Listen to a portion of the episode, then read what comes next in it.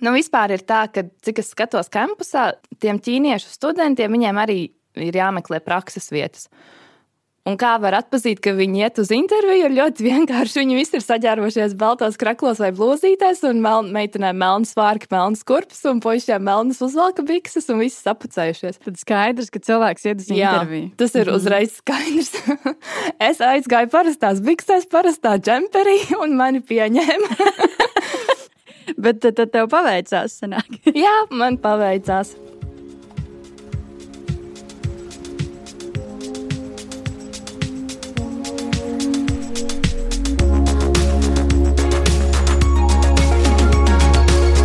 Čau! Es esmu Vineta Bērziņa, un tu klausies podkāstu pirms darba. Te skan cilvēcīgas un saprotamas sarunas par darba meklēšanu un atrašanu. Nu jau rudenīgās noskaņās podkāstā viesojas Ieva Saliņa. Nesen sociālos tīklos izsludinājām to, ka podkāstā laipni ir aicināti piedalīties darba meklētāji, tātad darba devēji, personāla vadības speciālisti un cilvēki ar neparastām profesijām. Ieva pieteicās, un nu jau šodien ir studijā. Sveika, Ieva! Čau! Uzreiz varbūt gribu te prasīt, kas tu esi un ko tu šobrīd dari karjeras ziņā. Šobrīd es strādāju finanšu jomā, nodarbojos ar klientu apkalpošanu. Mm, darbu izpildu gan angļu valodā, gan ķīniešu valodā un no mājām. Kāpēc esmu tevi uzaicinājusi? Tad viena no šodienas galvenām, galvenajām tēmām ir ķīniešu valoda, ko tad gribu ar tevi aprunāties. Bet pirmkārt, kā ir varbūt Latvijā, vai ķīniešu valoda darba tirgu vispār ir pieprasīta? Kā tev šķiet? Atkarīgs varbūt no sezonas, ne gluži sezonas, bet citreiz ir pieprasījums un ļoti daudz, un citreiz atkal nav. Un tā, piemēram, kad es atgriezos no Ķīnas, nu labi, šis ir Covid laiks, šis ir tāds izņēmums, bet es patiešām gadu meklēju darbu un uh, Latvijā. Ja? Latvijā mm -hmm. jā. Un tieši saistībā ar ķīniešu valodu bija ļoti maz vakances. Bet tagad, kad es jau strādāju, kad jau viss notiek, man diezgan bieži nāk piedāvājumi tieši ar ķīniešu valodu saistībā. Un kur tev nāk tie piedāvājumi? Uz kurien uz e-pastu, LinkedIn? LinkedInā. LinkedInā nāk, un citreiz starp draugiem arī vienkārši kāds atraksta. Tā, es neesmu varbūt tā pamanījusi, ka ir, ir šādas vakances. Varbūt man pašai neinteresē, tāpēc arī nemanu. Tu minēji, ka šobrīd tātad esi darba attiecībās, gadu meklēji. Uh, kas varbūt ir tā darba ikdiena? Tu minēji tad ķīniešu valodu, arī citas valodas. Ko tu, ko, ko tu dari? Uh, cilvēki ir no visām pasaules malām. Viņi sūta ēpastus, vi, mums ir tādi live chati, kuros viņi nāk uzdot jautājumus ar, par par visu saistībā. Problēmas, kas patīk, kas nepatīk, un mēs vienkārši viņiem atbildam. Mēs sniedzam viņiem to, ko viņiem vajag, risinām problēmas. Jā, pārsvarā tas viss notiek angliski, bet ir arī uh, ķīnieši, kuri vēlas šo saziņu veikt tikai ķīniešu valodā, un tad ar viņiem attiecīgi ķīniski. Jā, mēs sniedzam šo klientu apkalpošanu 12 valodās. Tad mums katrai wow. valodai ir mhm. speciālisti, mm -hmm. un tad es esmu angļu un ķīniešu speciālists. Noteikti arī parunāsim, kur tu, kur tu iemācījies šo ķīniešu valodu. Bet sākotnēji man interesē, tu minēji, veselu gadu meklēji darbu. Tas bija laikam pavasarī, kad, kad bija šis vēl, vēl, vēl Covid vilnis. Um, ja? Es uh, atgriezos no Ķīnas 20. gada janvārī. Tas bija tad, kad Ķīnā sākās tas pirmais covid uzliesmojums. Šeit vēl viss bija mierīgi. Mm -hmm. Un es atbraucu un es tā īsti arī nesapratu, kas man tagad dzīvē jādara. Jo te vēl viss mierīgi, tur atgriezties nevar, un tā, un tāds laiks gāja un gāja, un te sākās pirmais vilnis un visi ierobežojumi, un līdz tas iespaidoja arī darba tirgu. Uh, Nu jā, tā tas, tā tas gads pagāja. Tad uh, bija maz vakanču vienkārši tajā gada laikā. Ja? Pavast, nu, nu jā, daudz cilvēkus jau arī atlaida un dīkstāve un viss, viss kopā. Bet ar šī gada februāri tad es sāku jau strādāt. Tā kā principā pilns gads sanāca. Kad varbūt un vispār kāpēc tu sāki interesēties par ķīniešu valodu? Cik, cik sen atpakaļ tas bija?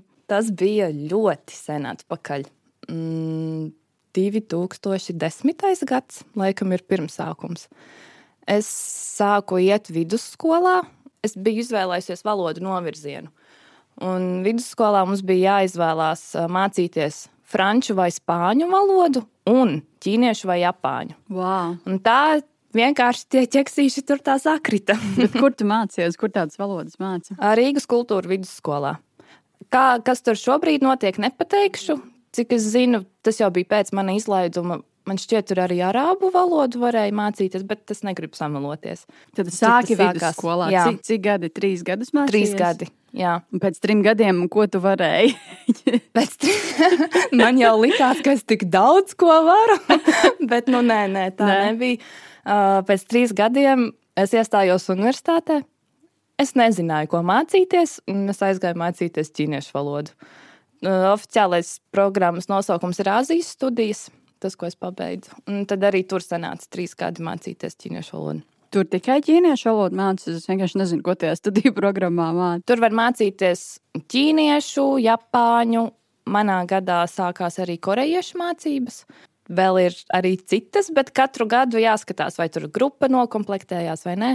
Bet tieši par ķīniešu valodu runājot, mēs sākām visu no nulles. Katru strīpiņu, ko tas nozīmē, katru skaņu, kā pareizi izrunāt, kā nerunāt. Visu laiku bija vieglāk, ne? jo tu Jā. jau trīs gadus mācījies. Man, paldies Dievam, bija vieglāk. Es varēju kāds divus mēnešus vispār uz tām lekcijām neiet pašā sākumā. Nu, pēc tam gan bija jāpieslēdzās. Nu, jā, un tad, kamēr mācījos universitātē, man bija iespēja arī pieteikties. Uh, Konfucija institūta stipendijai, un es aizbraucu uz Ķīnu, uz Guangzhou, un gadu mācījos valodu arī tur. Un tur gan viss bija tikai ķīniski, tikai ķīniešu valoda. Nebija citi priekšmeti, Jā. kā universitātē, piemēram, vēsture, kultūra, un tā tur bija tikai vienīgi ķīniešu valoda. Un sadalīta gramatika, runāšana, klausīšanās un tā kā tas. Tas bija studiju ietvaros Latvijā, tā kā bija iespēja doties turieni. Mēs, kas mācāmies ķīniešu valodu, mēs varējām pieteikties Konfucija institūta kursiem. Mm -hmm. Mēs to varējām savie, apvienot kā cēdaļu. Nu, principā visus kursus mēs gājām arī vakaros mācīties valodu vēl tur. Katru gadu viņiem ir iespēja pieteikties stipendijai mācībām Ķīnā. Bet tas ir konkurss, tā bija jāiztur tas konkurss vai nē? Tur ir konkurss. Katru gadu mainās šis vietu skaits. Es neatceros, cik kopā bija manā gadā pieejamās vietas, bet mēs aizbraucām seši cilvēki, ja nemaldos. Principā visi, kas pieteicāmies, visi mēs arī tikām un veiksmīgi aizbraucām. Tā bija tava pirmā pieredze tur. Jā, jā tā bija mana pirmā pieredze braukt vienai pašai kaut kur uz pilnīgi otru pasaules malu, uz Ķīnu. Kāda bija pirmie iespēja? Varbūt bija kaut kādi kuriozi gadījumi. Man bija kultūra šoks, ārprāts. Es izgāju. Es biju iedomājies, ka tur ir tikai debesu skrāpji un viss uh, kaut kāds tāds modernas pilsētas iespējas man bija radies. Un es aizbraucu uz Guangzhou, kas ir trešā lielākā pilsēta. Un no lidostas mēs izgājām. Mēs iekāpām autobusā un braucām uz kampusu. Un man tas likās tik ilgi.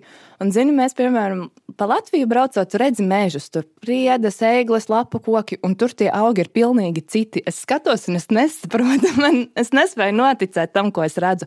Visas ceļu zīmes ir ķīniski. Es saprotu neko. Mēs atbraucam uz to kampusu, un nav tā, ka viņš ir tikko svaigi celts. Nepateikšu, cik sen atpakaļ viņu uzcēla, bet nu, tāds tāds lietains laiks vēl bija un drūms, un mēs visi esam piekusuši. Un tā, un es domāju, prāviens, kur es esmu? Kāpēc? ko, ko es tad darīšu tagad? Nu jā, cik mēs arī bijām seši cilvēki, un visi, visi no Latvijas, tad kaut kā vieglāk to, to pirmo to mēnesi pārdzīvot. Pēc tam jau negribēju aizbraukt mājās. Man ļoti interesē, kur varbūt vairāk, kur tev vairāk sanāca apgūt to, to valodu. Vai tie bija trīs gadi vidusskolā, trīs gadi augstskolā, vai tas viens gads pavadot Ķīnā tie apmaiņas programmā? Ziniet, kā es teikšu, visus kopā. Tāpēc, ka, ja es aizbrauktu tur pilnībā bez priekšzināšanām, man būtu baigi grūti. Ar laiku es saprastu, bet man tas prasītu ilgāku laiku nekā, man jau ir priekšzināšanas. Tas gads Ķīnā noteikti, tas pirmais gads Ķīnā noteikti bija ļoti svarīgs, tāpēc ka tā valoda bija. Tā valoda ir visur apkārt. Tas nav tā, ka tu aizej uz nodarbību, tu pamācies un viss. Tu viņu dzirdi visu laiku. Jā. Tur neviens nerunā angliski. Ārpus lidostas par angļu valodu vispār var aizmirst. Ja tev vajag uz pastu aiziet, tur runās ķīniski, bankā viss ir ķīniski, veikalā viss ir ķīniski, un tu esi spiests to valodu lietot. Es teiktu, ka tas pirmais gads bija tāds icebreakers tajā visā. Tu, ko tu darīji tajā pirmā gada laikā? Pastāst, vai bija arī kaut kādas tur, tur balīdes, vai tikai mācības, eh, tikai ķīniešu valoda, nekas cits? Mm, bija tikai mācības. Man liekas, tas gads bija vairāk tāds turistisks. Mēs braucām visu kaut kur apkārt, jo mēs zinājām, ka mums ir tikai gads. Piemēram, pēc tam es aizbraucu uz Pekinu. Es jau zināju, ka es tur būšu trīs gadus. Man nav tāds laika ierobežojums. Tā gada liels. tu nolēmi palikt uh, vēl trīs gadus uh, Ķīnā, Pekinā. Ja? Es pabeidzu Guangzhou to vienu gadu. Tad es aizbraucu atpakaļ uz Latviju. Man vajadzēja pabeigt universitāti. Man bija palicis pēdējais gads bakalaurā. Es pabeidzu, un tad es jau biju nolēmusi, ka es mācīšos maģistrantūru, mēģināšu pieteikties vēlreiz stipendijai, un tad, ja varēs, tad es braukšu uz Ķīnu. Un es gribēju ļoti uz Pekinu, jo es jau biju bijusi dienvidos, un man gribējās kaut ko citu. Man gribējās tur, bet kaut ko citu. Tad tu dabūji to stipendiju beigās. Ne, tā buju. Tur uh, konkurss bija daudz lielāks. Tajā gadā mēs bijām pieteikušies, ja nemaldos, 20 cilvēki, un aizbraukt varēja tikai 6. Šoreiz tā bija Ķīnas valdības stipendija. Ir divas iespējas, kā aizbraukt ar stipendiju. Ir vai nu Konfūcija institūta, vai arī Ķīnas valdības. Un tā Ķīnas valdības uh, vairāk cilvēki piesakās viņai, jo, kā angļu valodā ir IELTS eksāmens, tāds ir arī ķīniešu valodā. Viņu sauc Eiģiskai. Lai pieteiktos Konfūcijas stipendijai, ir nepieciešams, nepieciešams šis eksāmens. Lai pieteiktos valdības stipendijai, viņi īsti neprasa. Protams, ir forši, ja tev viņš ir, bet tas nav obligāti. Ļoti daudz cilvēku bija pieteikušies, lai mācītos valodu, vai maģistru, vai nu kā nu kurš. Bet, nu jā, vietas bija tikai sešas. Un tad man laikam noveicās. Tātad trīs gadi Pekinā. Tu, kas tā bija par studiju programmu, kur tu studēji? Sākotnēji es pieteicos maģistra programmai, kā rezultātā, kad es pabeidzu, es esmu ķīniešu valodas skolotājs. Ar iespēju jebkur pasaulē mācīt, vai tikai Ķīnā? Jebkur, man šķiet, ka jā. Negribu samaloties, bet man šķiet, varbūt Bet Latvijā jāpielīdzina tu kādi varē- dokumenti, varētu tā bet kā- tā, jā, tā ir pedagoģiskā izglītība. Par cik tā ir ļoti sarežģīta studiju programma. Viņi man prasīja šo eģiskai eksāmenu, sesto līmeni, tas ir visaugstākais. Mm -hmm. Man bija piektais tajā brīdī, tāpēc viņi man piešķīra vēl vienu gadu uh, apmaksātas mācības. Un tad to pašu pirmo gadu, kad es aizbraucu, es vēlreiz mācos valodu, nokārtoju to eksāmenu, un tad varu uzsākt maģistra programmu. Tāpēc sanāca di, trīs gadi. Jā. Pirmais gads bija tikai valodas mācīšanās, un pārējie divi tad maģistra studijas. Jā. Pastāst par to stipendiju, vai tas nozīmē to, ka tev pilnīgi visu, visas šīs tu studijas apmaksāja? Jā, tā stipendija ir varana lieliska. Viņi apmaksā mācības, viņi apmaksā kopmītnes. Apdrošināšana ir. Es, es gan nekad neizmantoju, nepateikšu, kas tur iekļauts un kas nē, bet fakts kā tāds ir arī. Jā. Un katru mēnesi viņi arī iedod tādu naudu dzīvošanai. Cik, cik daudiņas vai varēja to Naudiņas, jā. Atkarīgs vai tu mācies maģistru vai valodu, tur mainās tās summas. Man uz maģistra programmu bija 3000 jāņi, kas ir kādi 380 eiro mēnesī. Vai ar to varētu varēja būt. izdzīvot mēnesī? Nu, jā, ja tu baigi nekur nē, nu tā tīri izdzīvot, jā, pietiek. Vai varēja, teiksim, tādu šo stipendiju izdzīvot, vai vēl kaut kāda papildus nauda, nāca no vecākiem vai kaut kur strādāja? Nē, vecākiem gan es neprasīju. es atradu vietas, kur piestrādāt. Man šķiet, visi, kas, visi ārzemnieki, kas Ķīnā dzīvo, reiz kādreiz ir strādājuši par angļu valodas skolotājiem. to arī es darīju. Tātad tu kaut kur strādāji. Pastāst, varbūt, kā vispār atšķiras darba meklēšanas process Ķīnā un Latvijā. Vai es varbūt varu pastāstīt par savu prakses pieredzi. Droši. Mm, Tad par to maģistru runājot, es biju pieteikusies par skolotāju, bet pēc tā valodas gada es sapratu, ka es negribu mācīties ķīniski. Vienīgā pieejamā studiju programma angļu valodā bija turisma menedžments. Tāpēc es nomainīju, mācījos angliski un mācījos turismu. Bet kāpēc ķīniešu valodā tu negribēji mācīties? Tāpēc, ka tā ir uh, pilnīgi cita valoda, un ļoti daudz laika es patērētu tīri tulkojot visus tos terminus, kas man būtu jāmācās. Man būtu ļoti daudz laika tam jāpavada ārpus mācībām, un uh, man negribējās. Un bija iespēja nomainīt, tāpēc es nomainīju. Nu, lūk, un, lai pabeigtu šo maģistra programmu, mums bija obligāta prasība iziet praksi. Un es jau tad biju izdomājis, ka es ļoti gribu to darīt Ķīnā. Es gribu šo tādu īsto Ķīnas pieredzi. Uh, Es tiku ļoti labā viesnīcā. Šis piedāvājums man arī atnāca caur Instagram, caur draugiem. Tas arī bija ļoti forši. Nu, vispār ir tā, ka, cik es skatos kampusā, tiem ķīniešu studentiem viņiem arī ir jāmeklē prakses vietas. Un kā var atpazīt, ka viņi iet uz interviju, ir ļoti vienkārši. Viņi visi ir saģērbojušies baltos kraklos vai blūzītēs, un mel meitenēm melnas vārki, melnas kurpes, un puišiem melnas uzvalka bikses, un visi sapucējušies. Tad skaidrs, ka cilvēks iet uz Jā, interviju. tas ir uzreiz skaidrs. es aizgāju parastās biksēs, parastā džemperī, un mani pieņēma. Bet tad, tev paveicās. Sanāk. Jā, man paveicās. Nu, uh, viņi arī meklēja tieši tādu, kā es, ja tā var teikt. Bet ko viņi meklēja? Kas tas bija? Viņi par amatu? meklēja cilvēku, nezinu, kā latviešu pateikt, bet angļuiski būtu promoter. Darbs bija tajā viesnīcas bārā, un viņiem vajadzēja cilvēku, kas varētu komunicēt ar ārzemniekiem. Jo 50% no apmeklētājiem ir ķīnieši, un otri 50% ir ārzemnieki. Tad angļu valodā komunicēja. Jā. Un uh, pat cik visiem likās ļoti eksotiski, tas, ka tur tāda viena ārzemniece strādā, man ļoti bieži visādi cilvēki nāca iepazīties un uzdot visādus jautājumus. Tā kā man tā bija vēl viena iespēja, kā izmantot to ķīniešu valodu, katru dienu komunicēt. Bet ko tad īsti bija jādara? Tā kā jāpiedāvā kaut kāda viesnīcas pakalpojumi? Nē, uh, es strādāju viesnīcas bārā. Piemēram, ja radās kaut kādas problēmas, tad nu, cilvēki nesaprot, kāpēc viņiem rēķins ir par tādu summu. Viņi bija rēķinājušies ar to. Nu, šādas visādas lietas, vai tur negaršo ēdiens, vai negaršo kokteils. Nu, pat cik pārējie bija ķīnieši, un viņi īsti nemācīja to visu izskaidrot, tad to gāja darīt es. Ja mans Tā priekšnieks, kā tāda menedžera skaitīs. nu, jā, mans priekšnieks bija menedžeris, un principā, ko viņš man lika palīdzēt, to visu es arī darīju. Jā. Tā kā, ja viņam bija citi darbi, tad uh, nu, es gāju un tā kā, mēģināju komunicēt ar tiem cilvēkiem. Un, uh, tās problēmas nemaz nebija tik daudz. Galvenais bija veidot tādu patīkamu atmosfēru.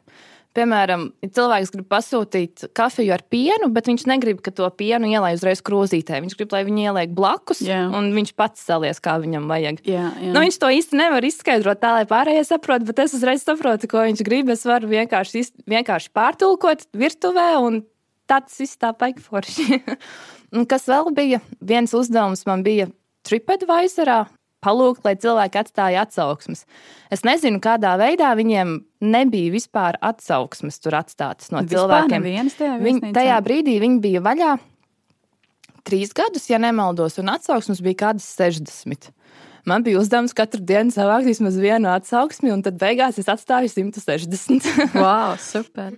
Bet tas bija reāls darbs vai praksa, un vai tu saņēmi arī atalgojumu par to? Jā, es saņēmu atalgojumu, man bija prakses līgums, viss bija oficiāli. Ķīnā nu, mums vajag vīzu. Man arī viņu pārtaisīja tā, ka tajā vīzā ir iekļauts, ka es tādā un tādā vietā, no tāda līdz tāda laika eju praksi, un tas viss bija pilnīgi oficiāli. Kāds varbūt vispār ir atalgojuma līmenis Ķīnā? Tu kā praktikante, jā, cik aptuveni tu saņēmi, vai tas bija kaut kādā tavā stipendijas līmenī aptuveni?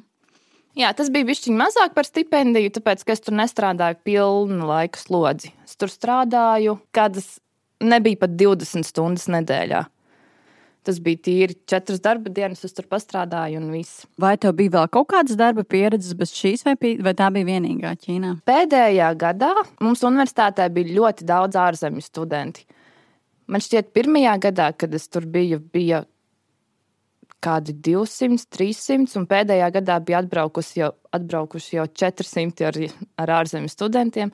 Oficiālā vienkārši vajadzēja palīdzību. Tādu komunicēt, jo tur arī viss ir ķīnieši, un tad citi var, tie ārzemju studenti varbūt nezina to ķīniešu valodu, un tad vajadzēja palīdzēt, un tad arī tur es piestrādāju. Kāda varbūt ir tāda darba kultūras atšķirība Ķīnā un Latvijā? Kādas ir tās iezīmes? Ķīnā viss ir ļoti strikti.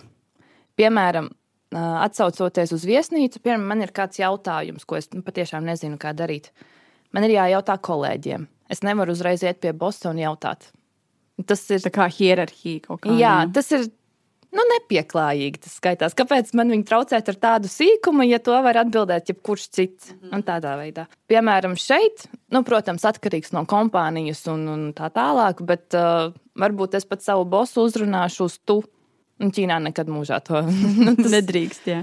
nu, tas nav pieņemts īsti. Un, piemēram, ja ir kāds darba pasākums, ir obligāti jāiet. Piemēram, ā, tavs priekšnieks nu, izdomā dažus no jums pasaukt kaut kur.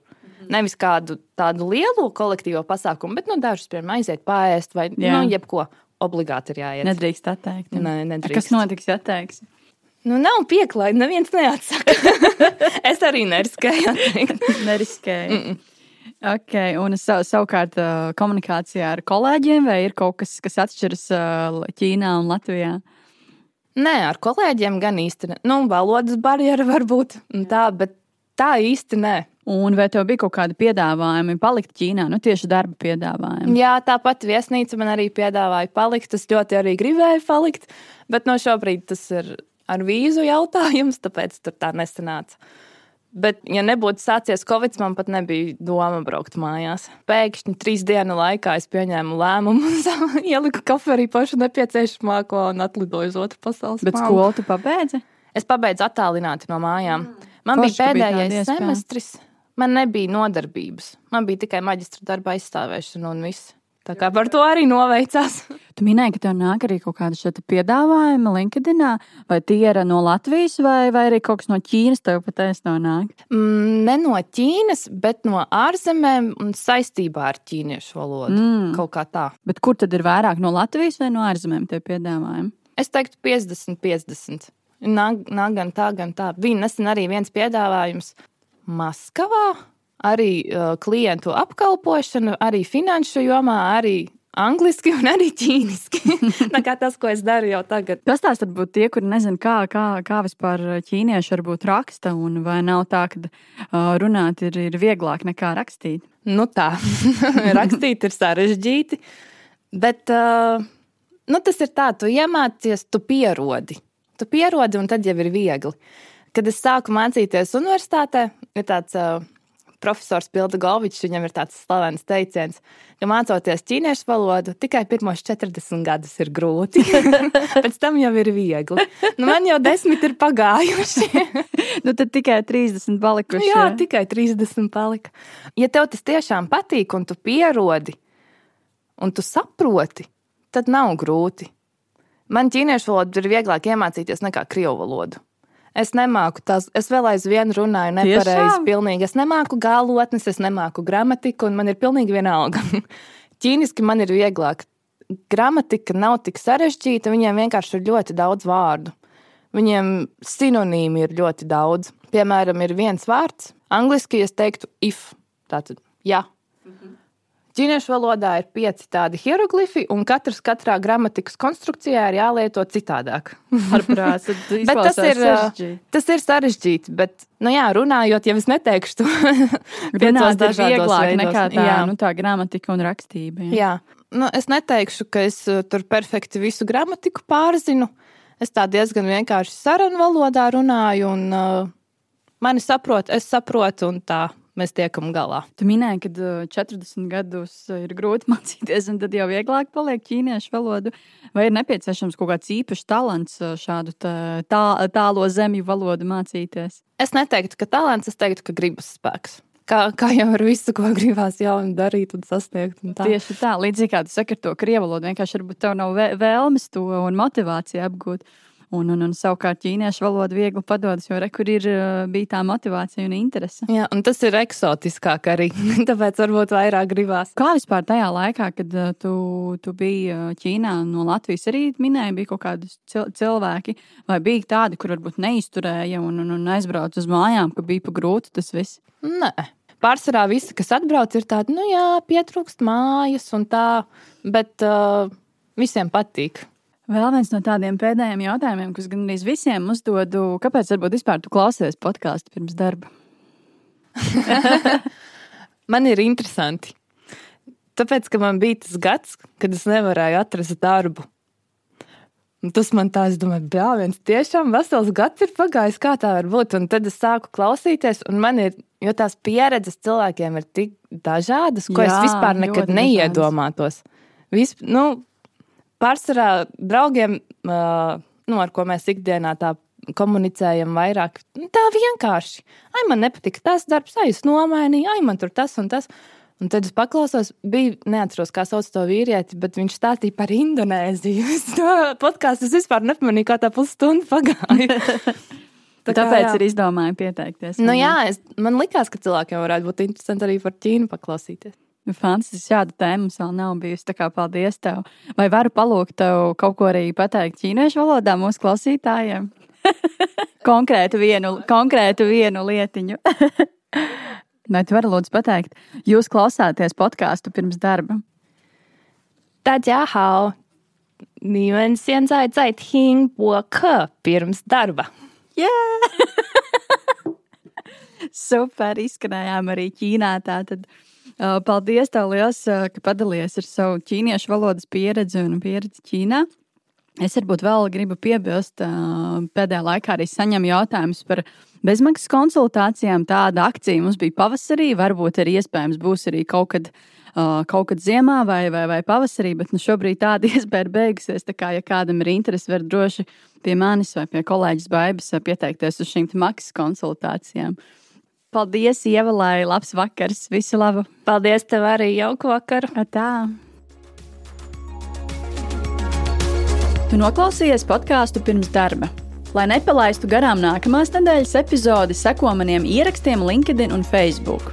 Abonēt jaunās epizodes un noklausīties iepriekšējo sezonu intervijas var visās podkāstu platformās un YouTube. Ja esi pozitīvs un vēlies atbalstīt manu darbu, raksti komentārus un pārsūti manus ierakstus savam draugu pulkam. Uz tikšanos podkāstā pirms darba!